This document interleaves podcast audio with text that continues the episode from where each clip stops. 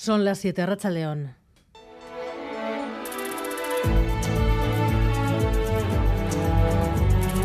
Gambara con Arancha García. Se puede hacer, habrá que ver cómo resulta, pero el gobierno Macron ha conseguido lo que de momento las cadenas de supermercados le están negando al gobierno Sánchez poner un tope a productos de primera necesidad. Aunque las cadenas decidirán qué alimentos, decidirán cuánto van a rebajarlos, aunque el acuerdo llega justo en vísperas de otra huelga por las pensiones y el Elíseo teme que la cesta de la compra pueda unirse a la reivindicación en la calle, lo cierto es que París va a publicar cada mes los márgenes de beneficios de las empresas distribuidoras, algo que tampoco se hace aquí.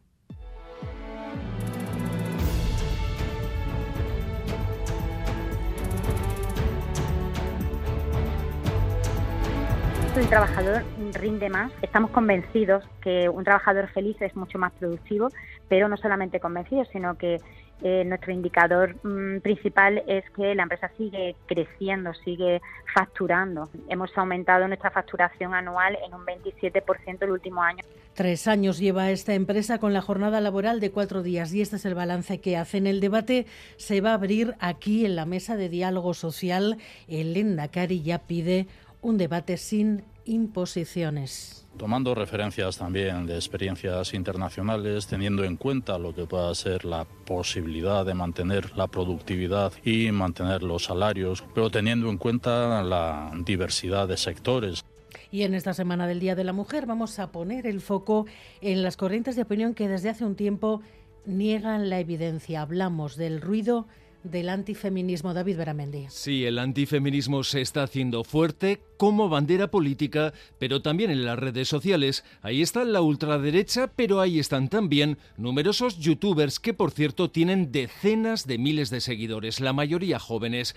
Ante el feminismo, muchos hombres se están sintiendo descolocados e inseguros. Miren, Gutiérrez, investigadora de la Universidad de Deusto que estamos retrocediendo. Ese tipo de mensajes se, se, escucha sistemáticamente en algún tipo, en algunos canales. Sí, la repetición de estos mensajes puede hacer mucho mal en las mentes de gente que todavía está por decidir quiénes quieren ser y cómo quieren ser, etcétera, gente joven. Hombres y chavales que creen que las mujeres se están pasando de la raya y que han encontrado en las redes un lugar donde hacer grupo. A las 8 entrevistamos además aquí en Gambara la portavoz de Podemos, Isa Serra, porque la reforma de la ley del solo sí es sí va a llevar la firma de PSOE y PP, pero no la de la mayoría de los socios, empezando por Podemos. Eso es al menos lo que parece a poco más de 12 horas de la votación de mañana. Isa Robaza. A León, sí, mañana a estas horas será la votación, no hay visos de acuerdo y salvo sorpresa, la propuesta socialista seguirá su trámite parlamentario con el apoyo de la bancada de la derecha. Las ministras socialistas casi a una llaman a la unidad y recuerdan que mañana solamente se debate la toma en consideración. Sin embargo, para los morados, que sus socios a vísperas del 8M se apoyen en el PP y en Vox para volver al Código Penal de la Manada supone una línea infranqueable. Lo tildan de traición. EH Bildu quiere abrir una grieta en una política de pactos dominada por el tándem PNV-PS el mismo día en el que se ha oficializado el pacto presupuestario en Eibar entre socialistas y Euskal Herria Bildu.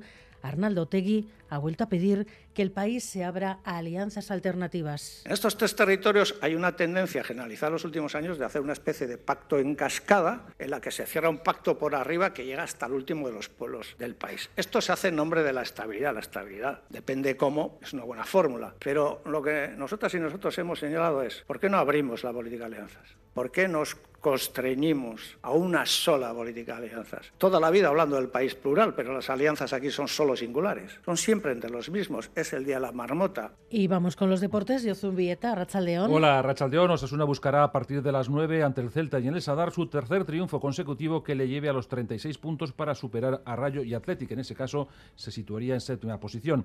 A la misma hora el Alavés se mide al Villarreal B en el estadio de la Cerámica. Los de Luis García Plaza persiguen un triunfo que les encarame a la segunda posición. Además, la Real Sociedad ha anunciado la renovación de Diego Rico hasta 2025, a pocos días vista de la cita ante la Roma.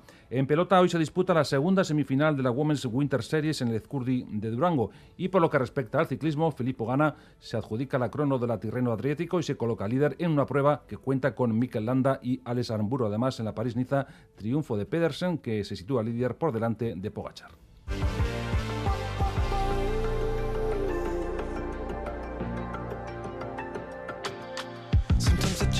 Can't.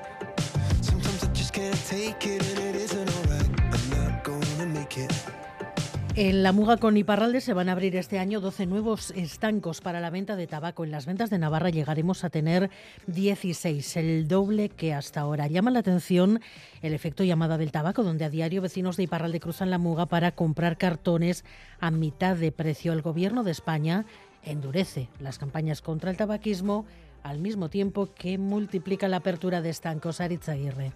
El Ministerio de Sanidad llama a no fumar y el Ministerio de Interior ya ha concedido las nuevas licencias. Se han subastado los 12 nuevos estancos. Somin Iribarren, presidente de la Asociación Ventas de Dancharinea. Esa particularidad que tenemos en la gente que nos gobierna, que nos dice una cosa, hace otra y si puede recaudar de otro lado, también se pone a la labor. Cinco nuevos estancos en Dancharinea, cuatro más en Irún, cuatro en Ibardin, uno en Urdazubí y otro más en Luzay de Valcarlos. Por este último, el mejor postor ha pagado dos millones de euros para hacerse con la licencia del estanco. En total, en Navarra han pagado al Estado 5 millones de euros para poder abrir ocho estancos. Y es que no solo de Iparralde, sino de muchas localidades de Francia van a las ventas a por tabaco, que está a mitad de precio. Lo que más compran son las marcas de Marlboro, Camel, se suelen llevar bastantes cartones. Para comprar el alcohol barato, los cigarros barato, 10 euros un paquete, aquí 5 euros. Suelen venir sí, autobuses enteros a buscar los pedidos. Es uno de los atractivos, entre comillas, que tenemos. Pero bueno, hoy en día nuestra oferta comercial es mucho más amplia que el tabaco, el alcohol y las conservas.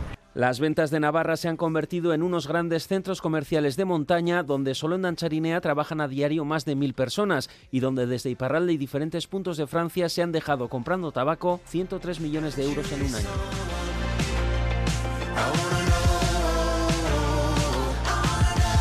Miguel Ortiz y Maitán Bujedo están en la dirección técnica, Cristina Vázquez en la producción.